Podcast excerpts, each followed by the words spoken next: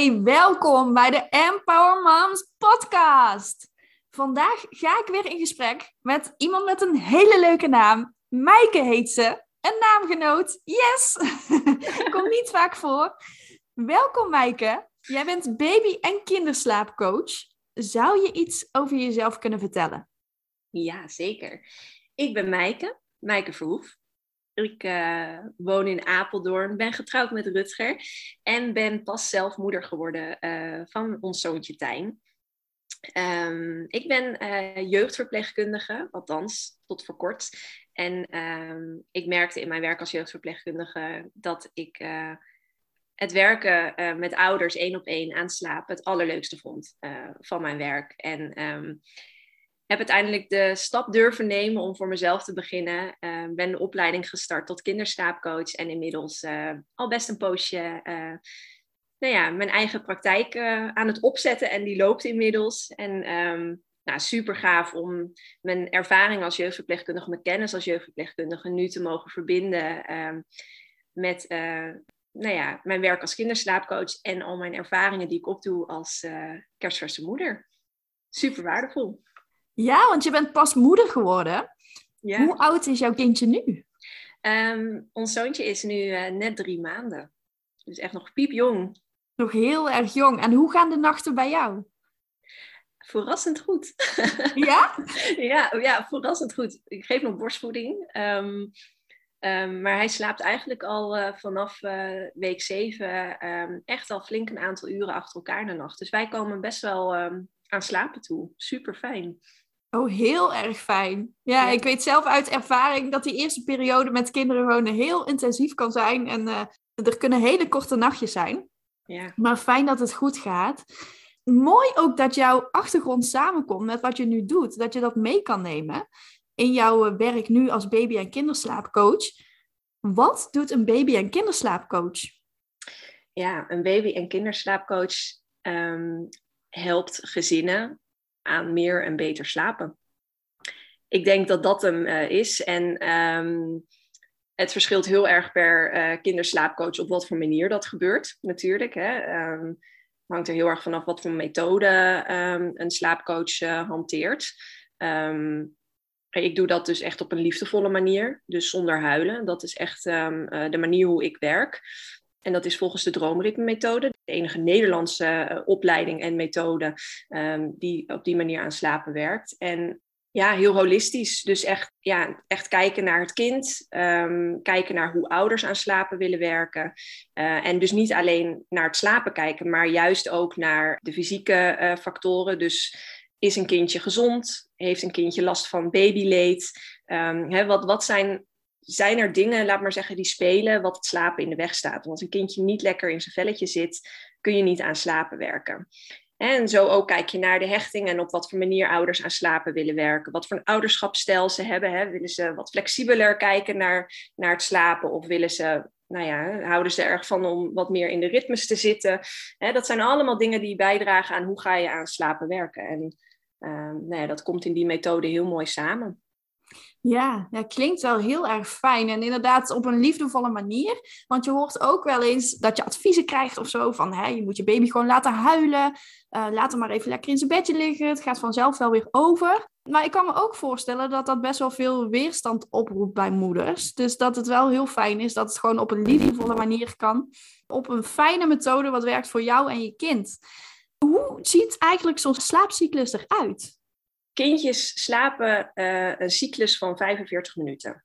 Um, tenminste, als een kind een volledige cyclus slaapt. Maar een slaapcyclus duurt 45, zo 40 tot 45 minuten. En um, de eerste 10 minuten van zo'n slaapcyclus um, uh, valt een kindje in slaap. De volgende 10 minuten heeft een kindje lichte slaap, wat het, uh, wat het doormaakt. En in die 10 minuten kan een kind dus heel makkelijk gewekt worden. Als je die eerste 20 minuten hebt gehad, ga je over naar de diepste slaap.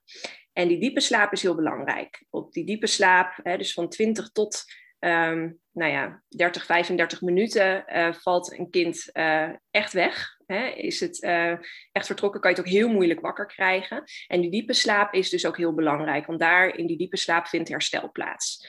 En met herstel bedoel ik dat is de slaap waarin een kindje groeit, waarin een kindje de prikkels verwerkt van de dag.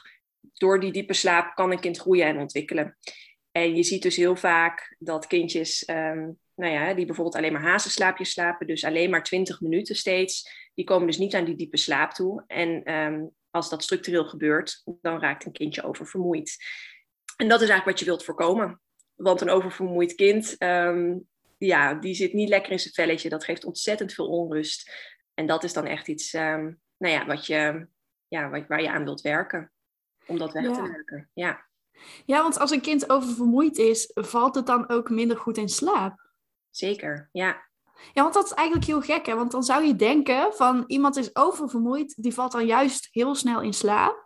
Maar eigenlijk werkt dat het tegenovergestelde. Ja, klopt. Dat is ook de valkuil um, uh, van veel ouders en uh, ook van mij, voordat ik de opleiding deed en toen ik alleen nog als jeugdverpleegkundige werkte. Weet je, dat, het klinkt veel logischer dat als je moe bent, dat je dan uh, overal en nergens gewoon zo in slaap kan, vallen. Hè? Misschien, de, sommige mensen hebben dat ook hoor. Dat, dat de slaapdruk het volledig overneemt en dat je gewoon zo weg bent. Hè? Um, maar nee, dat, dat, met kindjes werkt dat dus echt averechts. Als een kind oververmoeid is, dan is de strijd vaak veel groter om, uh, om in slaap te kunnen vallen. Ja, en inderdaad, je gaf net al aan waarom het zo belangrijk is dat kinderen goed slapen vanwege ja, de prikkels verwerken, vanwege hun groei. Hoe lang slapen baby's en kinderen gemiddeld? Dat verschilt heel erg per leeftijd als kindjes net uh, uh, worden geboren, uh, is dat echt, dan, dan, slapen kinderen echt een gat in de dag. Hè? Dan um, slapen, slapen, kindjes overal en nergens. En naarmate de leeftijd oploopt, wordt dat steeds minder. Dus dat is um, ja, lastig om dus zo, hè, zo antwoord op te geven. Maar ja, goed, dat kunnen mensen ook altijd. Ik deel ook heel veel tips eh, via mijn Insta en via mijn website. Daar staat het echt per leeftijd staat, uh, precies aangegeven hoeveel kindjes slapen op een dag, uh, hoe lang uh, de nacht meestal duurt en welk ritme hè, past bij, bij de leeftijd van het kindje in een bepaalde leeftijd. Ja, want ik hoorde laatst ook dat, dat er soms wordt gekeken naar bijvoorbeeld wakkertijden in plaats van echt slaaptijden. Zou je daar misschien iets over kunnen vertellen? Ja, zeker je ziet dat hè, sommige ouders gebruiken vaste bedtijden, sommige ouders gebruiken wakkertijden. Ik werk zelf ook met wakkertijden. Wakkertijden gaat over hoe lang een kindje wakker kan zijn tussen de slaapjes.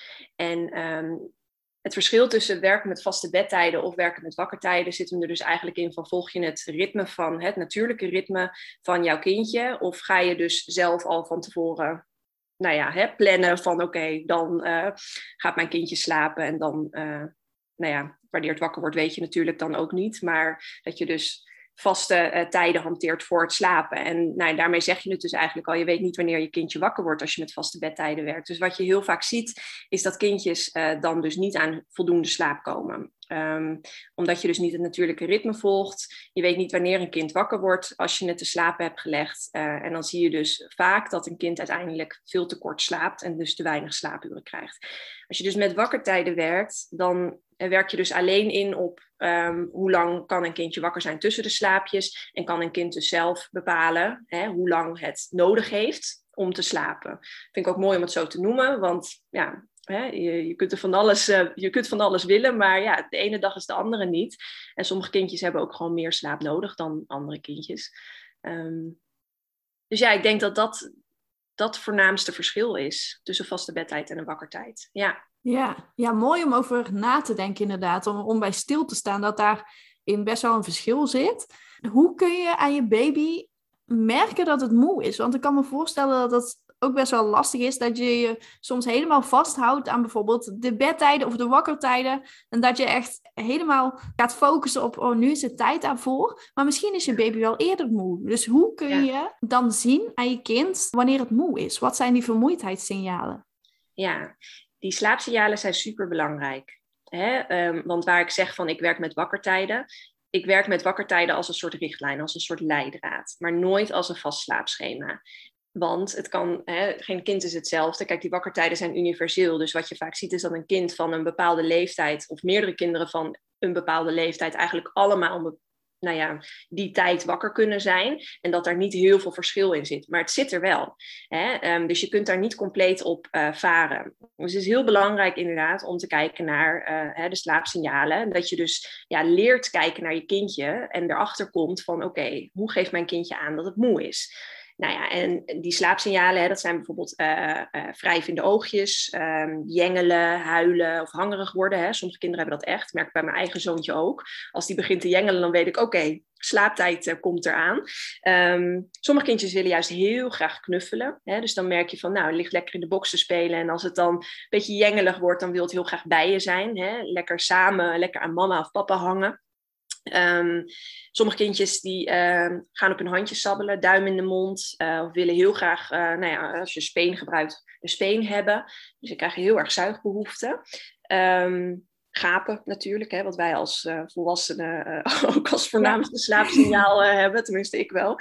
Als je bijvoorbeeld met je kindje aan het kletsen bent en je krijgt nog lekker reactie terug en op een gegeven moment gaat je kindje um, wegkijken, is ook een slaapsignaal. Dus als het denkt van nou, hè, je merkt dus dat je kindje een beetje afwezig wordt, een beetje wit wegtrekt en gewoon wegkijkt en denkt, nou laat me maar even. Dat is ook een heel uh, nou ja, slaapsignaal wat je vaak terug hoort. En uh, ja, als laatste uh, zie je uh, soms ook kindjes die heel druk worden. Dus dat alles in het lijfje gaat bewegen of ze veel verbaler worden. En zo zie je dus maar het, het best wel tegenstrijdig. Hè? Het ene kind wordt juist heel rustig, het andere kind wordt juist drukker. Het ene kind uh, nou ja, kijkt weg, het andere kind wil juist heel graag aandacht en contact. Dus dat is dus heel erg zoeken um, en kijken naar je eigen kindje. En dat ontdek je, die slaapsignalen, door nou ja, voor ieder slaapje dus daar echt even de tijd voor te nemen. Um, want op een gegeven moment zie je wel een combinatie van verschillende signalen. En dan weet je van oké, je hebt bijvoorbeeld kindjes die de hele wakkertijd af en toe een keer gapen. Nou ja, als dat op zichzelf staand iets is, dan is dat oké. Dan hoef je dat niet als slaapsignaal te zien. Maar je merkt echt wel hè, um, de meerdere signalen bij elkaar. Um, met wanneer het dan slaaptijd is. En die wakkertijd, die kun je dan echt gewoon in je achterhoofd houden als een soort leidraad. Um, en dat samen maakt dat je het, ja, het perfecte moment vindt, hè, om het zo maar te zeggen, van wat jouw kindje nodig heeft qua slapen en qua slaapritme. Ja, precies. En ik denk ook dat het, hè, als een kind heel erg druk wordt, dat je dan misschien niet het idee hebt van, is hij wel moe? Van, ja. is dit dan niet een signaal dat hij nog heel veel energie heeft? Tenminste, mij lijkt dat behoorlijk lastig om dan te denken van, oeh, hij is wel heel moe. Ook dat is een valkuil. Ja, Um, van veel ouders. Want hè, um, je kindje wordt drukker, dus je denkt, nou, hij heeft nog meer stimulans nodig. Hè? Hij is nog lang niet moe. Ja. We gaan nog even door met spelen en knuffelen en kletsen. Maar een kind wat altijd alert is en altijd wakker is, is vaak geen wakker typeje. Dat is eerder een oververmoeid kind. Een heel alert kind, uh, altijd alert zijn, altijd wakker zijn, dat zegt eerder iets over dat een kind uh, uh, te moe is. Dus oververmoeid en over de slaap heen. Ja, en dat, dat zie je dus vaak um, als je dat dus inderdaad eh, niet op die manier leest, maar dus als van nou, mijn kind is wakker en heeft dus veel minder slaap nodig en je blijft dus stimuleren. Ja, op een gegeven moment, um, hè, in het begin gaat dat nog wel goed, maar als een kind echt oververmoeid raakt, um, ja, dan gaat dat van kwaad tot erger. En dan op een gegeven moment heb je geen vrolijk, uh, blij kind meer wat veel actief is, maar ja, dan heb je op een gegeven moment een heel ontevreden kind, wat, uh, hè, wat misschien wel heel veel moet huilen en ja, waarvoor het dus nog lastiger wordt om dus in slaap te vallen en dus te blijven slapen. Ja, ja want ik kan me voorstellen dat je dan best wel een paar uur bezig kan zijn om je kind eindelijk te laten slapen. Als het dan echt helemaal oververmoeid is. Ja. Dat dat gewoon heel pittig is. Ja, en dat dat ook heel veel effect heeft op jou. Want dan raak je jezelf natuurlijk ook geïrriteerd. En je denkt van, oh, ga nou eindelijk eens slapen. En je wilt tijd voor jezelf. Ja, je raakt dan echt in een visuele cirkel met elkaar. Ja, en dat ja. zie ik ook heel vaak terug bij ouders. Die zijn gewoon op, zitten met handen in het haar. Weet je, want als je eenmaal een oververmoeid kind hebt en je hebt totaal geen idee meer van wat voor een ritme je in zit met je kindje, ja, dan weet je ook gewoon niet meer waar je moet beginnen. Hè? Um, ja, waar, waar sta je? Je hebt geen idee. En het enige wat je wil is dat je kind gaat slapen. Maar ja, hoe, hoe oververmoeider een kind raakt, hoe moeilijker dat wordt. Dus dan weet je, dat is ook veel, veel van de gezinnen die ik help, is een kind dus oververmoeid. Omdat je, ja, en dan is het dus inderdaad de eerste stap ook, het kind gaan laten slapen. Hè? Um, ja. Slapen doet slapen. Um, en daarmee zeg je dus eigenlijk ook van een kind wat slaapt, wat heeft geslapen, kan ook weer makkelijker, uh, de volgende keer ook weer makkelijker slapen. Hè, hetzelfde als dat sommige ouders denken van, uh, oh dan laat ik hou ik mijn kind wat langer wakker in de avond, dan slaapt het de nacht door. Ja, dat, ook dat werkt dus averechts. En zie je dus ook vaak um, ja, dat een kind dus eigenlijk gewoon dan te weinig slaap heeft uh, gehad die avond, waardoor het in de nacht dus juist ook rommeliger wordt in plaats van dat een kind langer slaapt. Je kan juist beter een slaapje toevoegen dan aan het einde van de dag, hè, een powernap of een klein slaapje, um, zodat de bedtijd opschuift later naar de avond um, en het kind dus het langere blok slaap ja, later in de nacht plaatst in plaats van aan het begin ja. Ja, ik heb, ik heb daar zelf ook enorm naar lopen zoeken toen mijn kinderen echt zo klein waren. Toen ze echt nog een baby waren. Van ja, wat werkt, wat werkt niet, wat hebben ze nodig. Het is gewoon heel vaak ook niet makkelijk inderdaad. En wat heel veel moeders willen is dat ze gewoon lekker kunnen doorslapen. Maar vanaf wanneer kan een kind of ja, een baby eigenlijk doorslapen? Dat is de vraag. Hè? Ja, dat is de vraag waar heel veel moeders mee zitten. Ja. Wanneer gaat mijn kind eindelijk goed slapen? De hele Wanneer kan ik nou zelf ook weer bijdenken? Ja, het is, dit is de vraag die ik ook heel vaak van ouders krijg. En maar het is ook tegelijkertijd de lastigste vraag, want geen kind is hetzelfde. Hè, er zijn kinderen die slapen al super vroeg door. Uh, hè, al na een aantal weken. En er zijn kinderen die doen dat pas uh, na een jaar of zelfs nog later. En um, ja, dat geeft ook aan dat het dus hè, per kind verschilt het is ook gewoon heel afhankelijk van allerlei factoren. Hè? Um, uh, bijvoorbeeld of je borstvoeding of kunstvoeding geeft. Je ziet gewoon dat borstvoeding is wat meer op verzoek, is wat lichter verteerbaar. Zie je gewoon dat kindjes vaak nog hè, in de nacht toch nog wel een voeding nodig hebben. Um, meestal zie je dat vanaf nou ja, een maand of zes, kinderen die dan nog s'nachts komen, kunnen dan wel vaak uh, gelijk weer makkelijk weggelegd worden en gelijk weer um, uh, makkelijker uh, in slaap vallen. Hè? Dus dat is echt even voeden en wegleggen. Dus dat is dan al in één keer, nou ja, ook voor jou als ouder minder, um, nou ja, zeg je dat, minder heftig. Hè? Je bent dan niet in de weer uh, een uur lang, dat is in het begin vaak. Hè? Want alles wat dan gedaan moet worden, luiers verschonen en uh, um, het hele, nee, de hele routine. En dat, dat, dat wordt dan vaak minder. Dan is het echt voeden en dan kan je vaak je kindje vrij makkelijk weer wegleggen.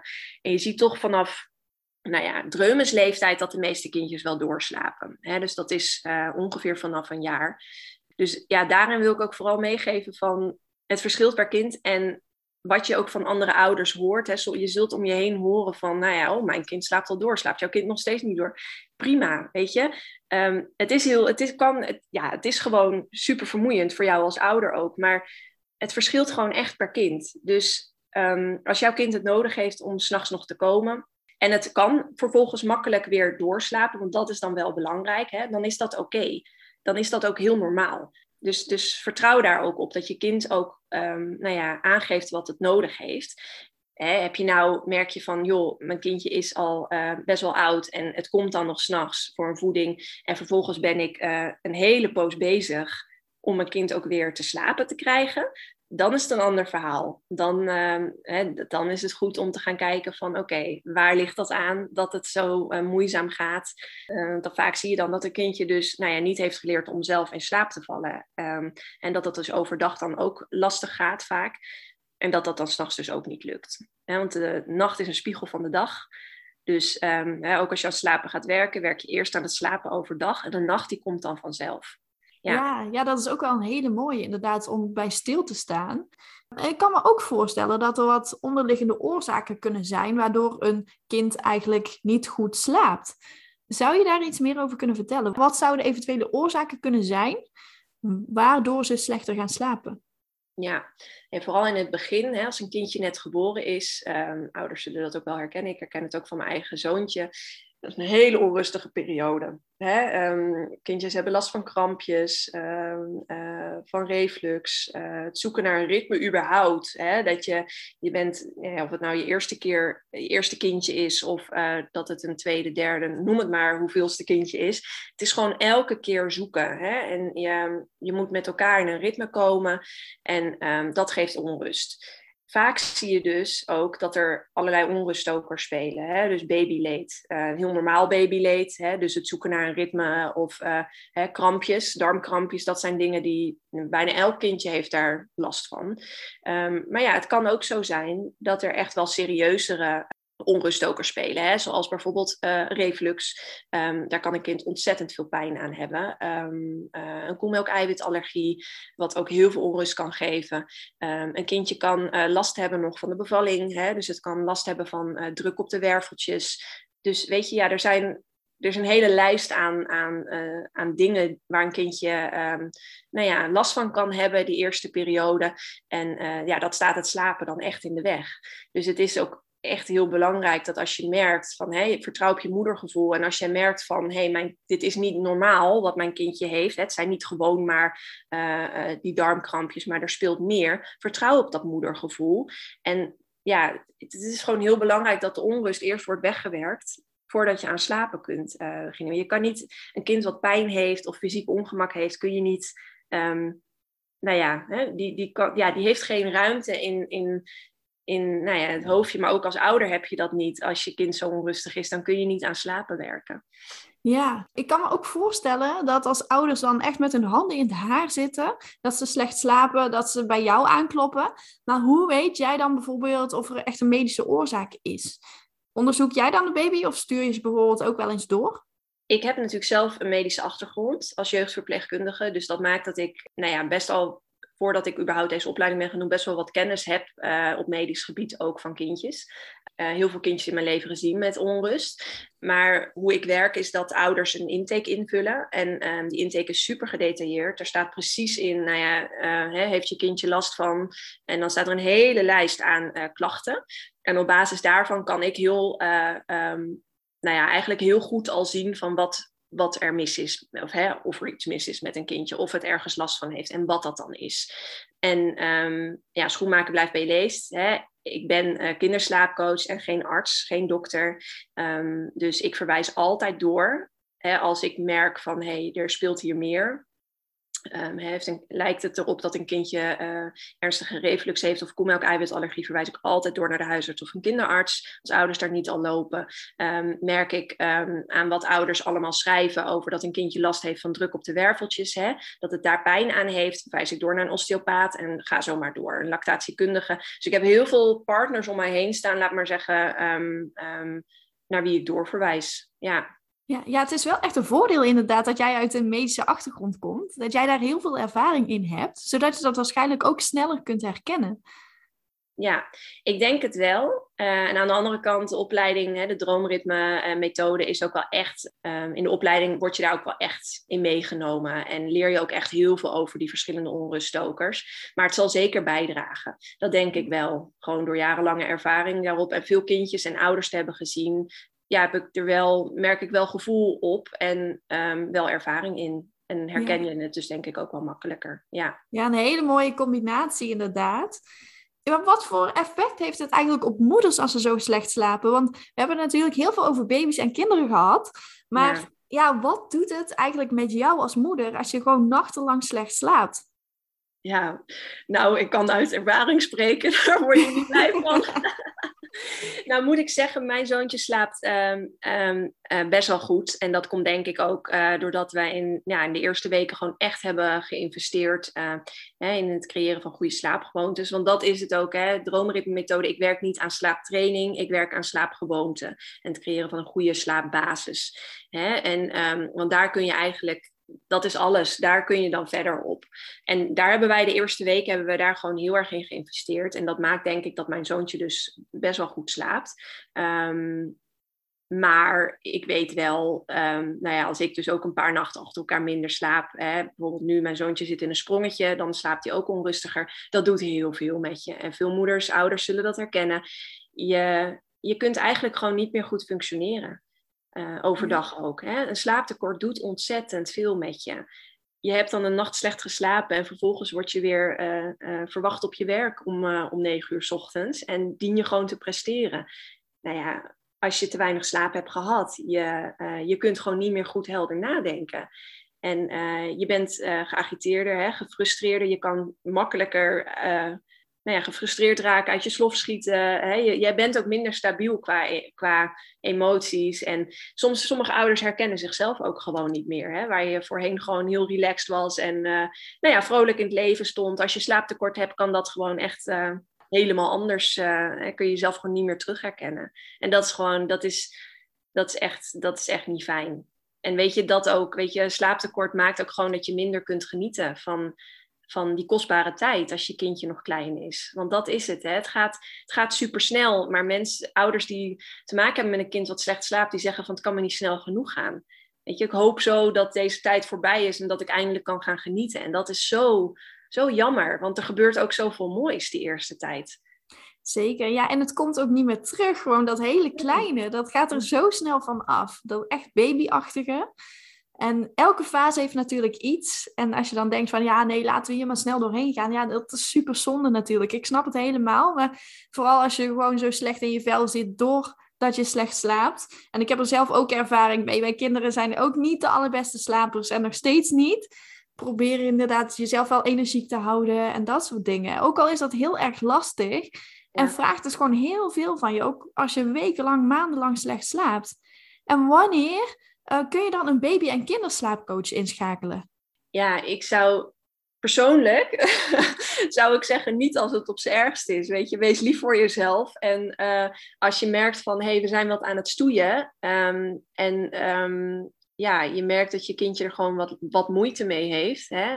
Dat is eigenlijk het moment. Dan is, dan is er nog niet, dan speelt er nog niet zoveel dat is het. Ik werk met slaapgewoontes creëren en een goede slaapbasis neerzetten dat kun je het beste doen op het moment dat er nog niet heel veel um, nou ja, schade is geleden, hè, om het zo maar te zeggen. Dus als een kind nog niet super oververmoeid is en als er nog niet echt negatieve associaties zijn. Uh, want dat is nog lastiger om dat dan eerst weer weg te werken en dan vervolgens aan die goede basis te werken dus ja, weet je, en ik zou ook zeggen, er zijn genoeg slaapcoaches uh, die werken ook online hè, op social media. Daar kun je vaak heel veel uh, uh, tips vandaan halen. Dus ik zou ook vooral zeggen, kijk wie bij je past en um, hè, bij wie je je goed voelt, bij welke slaapcoaches en de methodes die ze hanteren. En kijk vooral ook naar wat voor opleiding ze hebben genoten, of ze een opleiding hebben genoten. Ja, hè, wie er bij je past en, en volg die um, slaapcoaches, want daar leer je ook gewoon superveel van. Ik kan me heel goed voorstellen dat als de problemen nog niet zo, niet zo heel erg zijn voor je gevoel, maar je wel aan het stoeien bent, dat, ja, dan is het ook wel een investering die je moet maken. De meeste slaapcoaches uh, ja, die moeten er ook een brood mee verdienen. Dus ik kan me dan ook heel goed voorstellen dat je nou ja, minder denkt van, oh, nou, dan, die, die drempel ligt dan best wel hoog, hè, om er dan ook echt uh, voor te betalen. Ja, of we denken vaak, oh, het gaat vanzelf weer over. Het is een fase, het hoort erbij. Maar ja. ja dat is ook best wel hè, de, de gedachte uh, hè, in ja, de maatschappij. Hè, doe maar gewoon normaal. Um, hè, dan doe je al gek genoeg. En het hoort erbij. Uh, kinderen huilen nou eenmaal. Maar dat hoeft dus echt niet. Echt niet. Als jouw kindje huilt en je voelt dat het niet oké... Okay, je voelt echt wel of het normaal helgedrag is... of dat er meer aan de hand is. En daar mag je echt op vertrouwen. En... Um, ja, een kind hoeft niet te huilen. En je hoeft een kind ook niet te laten huilen om het in slaap te krijgen. Dat is echt oud gedachtegoed. Dat zijn echt prehistorische adviezen. Want het wordt nog best wel vaak geadviseerd. Uh, hè, van vijf minuten methodes en je kind laten huilen. En ja, een kind zal uiteindelijk in slaap vallen. Maar dat is meer omdat het zich nou ja, heeft opgegeven. Dan dat je uh, vanuit vertrouwen um, ja, ben, werkt aan slaap. Hè? Want dat is het. Slapen is loslaten. Dat is wat slapen feitelijk is. Je overgeven aan, aan het moe worden en in slaap vallen. En dat kan alleen als je vertrouwen hebt. Hè? Weet dat als jij in je bedje ligt en er is wat, dat papa en mama er zijn. Dan kan een kind goed gaan slapen. Maar ja, weet je, een kind slaapt inderdaad uiteindelijk wel als je het laat huilen. Maar ja, wat ten koste van wat? Hè?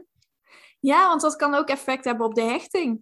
Zeker, ja. Zeker weten, ja. Ja, dus liefdevol uh, je kind laten slapen is daarin wel heel erg belangrijk. En er echt voor je kind zijn, inderdaad. En dat hij weet dat jij er gewoon voor hem bent. Dat hij weet dat als er iets is, dat hij jou kan roepen. Ja, ook dan kun je echt, uh, juist dan kun je echt werken aan goede slaap. En dat is, um, ja, er wordt nog, veel, er wordt nog te vaak gedacht van hè, dat is soft en dan, zo werkt dat niet, maar uh, juist wel. Ja. ja, of je hoort inderdaad van, oh, je, je verwent je kind te veel. je moet je kind niet zo verwennen hoor. Want dat, daar krijg je later last van. Je kunt je kindje niet verwennen. Tot zes maanden in ieder geval niet. En um, weet je, dat is het. Hè, je, troosten, uh, je, kunt, je kunt nooit te veel troosten. Je kunt wel te afhankelijk troosten.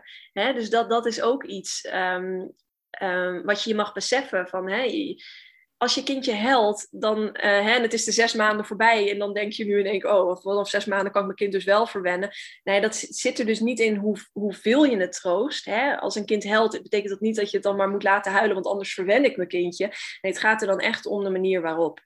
Ja, ja, ja. precies. Ja, mooi. Mooi dat je dit benoemt.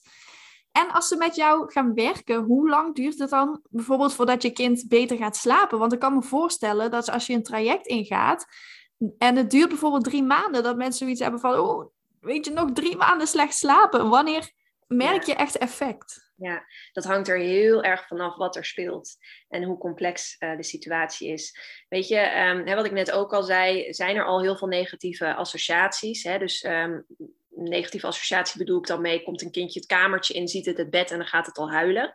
Hè, dan, dan duurt het langer om echt te werken aan goede slaap.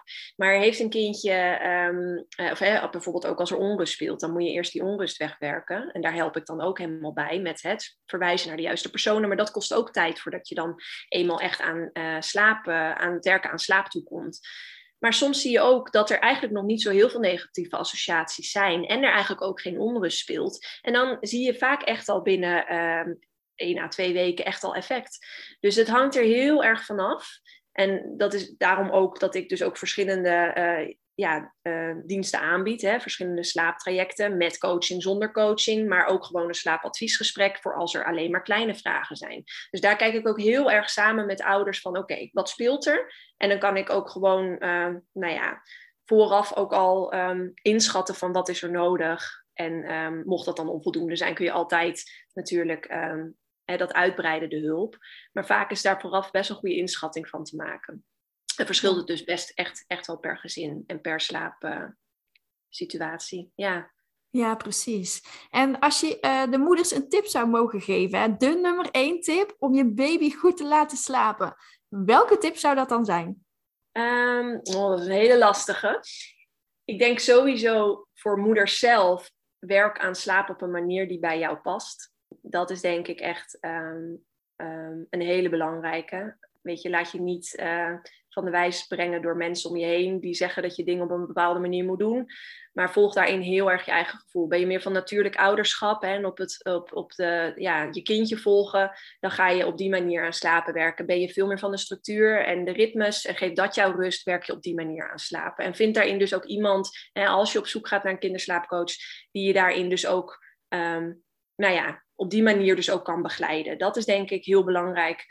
Uh, voor jou als ouder zelf. En ja, en weet je, de, hoe je het ook bent of keert, de meeste kinderen gaan goed op rust en regelmaat. Dat blijft iets um, dat gewoon ontzettend belangrijk is. Voorspelbaarheid in de dag um, um, geeft dat een kindje gewoon weet wat er komen gaat. En dat geeft rust.